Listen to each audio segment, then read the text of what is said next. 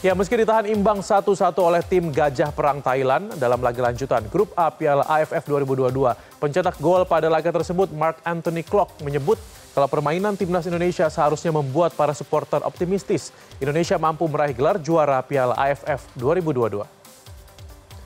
Klock mengungkapkan hal ini dalam sesi konferensi pers usai laga di Stadion Utama Gelora Bung Karno, Jakarta, Kamis sore. Menurut pemain asal klub Persib Bandung ini, ia dan rekan-rekannya pantas menang karena tampil lebih baik dari tim Gajah Perang. Klok meminta masyarakat Indonesia untuk mengikuti para pemain yang percaya bahwa timnas akan mengakhiri paceklik gelar pada Piala AFF 2022 ini.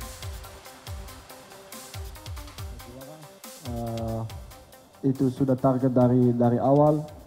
Supporter harus percaya kita. Yang penting juga untuk semua, kita tidak kalah hari ini ya. Kita satu-satu lawan Thailand. Kita tim lebih bagus. Thailand di sini takut sekali untuk main lawan kita di kandang kita.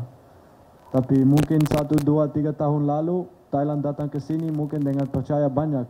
Tapi sekarang sudah berubah. Mereka datang ke sini takut untuk main lawan Indonesia dengan supporter banyak dan juga uh, lawan tim lebih bagus sekali.